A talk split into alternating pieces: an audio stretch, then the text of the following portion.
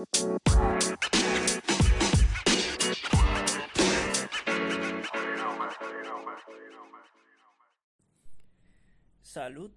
kai bonvenon al nova epizodo de la podcasto Bitmono kai Esperanto. Mi estas Daniel el Venezuelo kai mi deziras al vi ĉiuj feliĉan Kristnaskon. La hodiaŭa temo estas Kio estas la politikaj, ekonomiaj kaj filozofiaj teorioj malantaŭ bitmono? Do bitmono estas digitala valuto kaj pagsistemo, kiu estis kreita en la jaro 2009 por individua nekonato aŭ grupo uzante la pseŭdonimo Satoshi Nakamoto.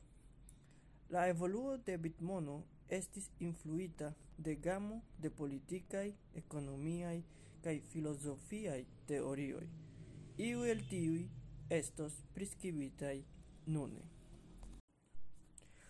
Unu el la ĉefaj politikaj teorioj malantaŭ bitmono estas la ideo de malcentralizo kaj de malakcepto de centraliza aŭtoritato.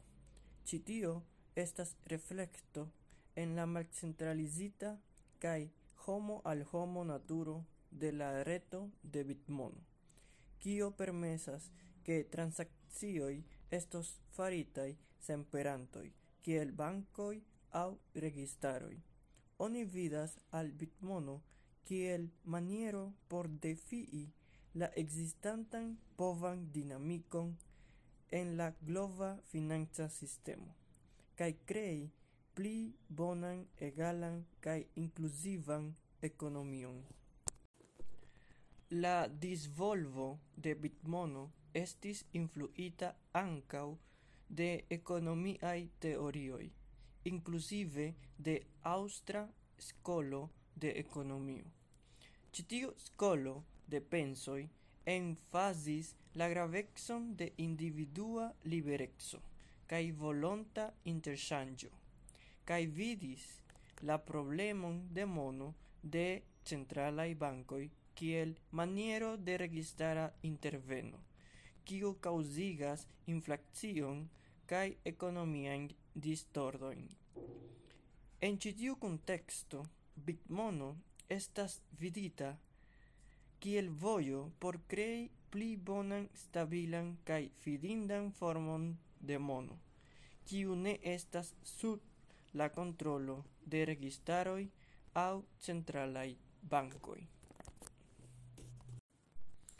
Bitmono estis influita de filosofiai teorioi, cefe la concepto de individua suvereno cae la ideo ke individuoi devas havi la raiton controli siain proprain proprexoin cae riĉecon Ĉi estas reflectita en la malcentralizo cae naturo de la bigmona reto, quiu permesas individuoin teni kai transdoni valoron sem la neceso de peranto.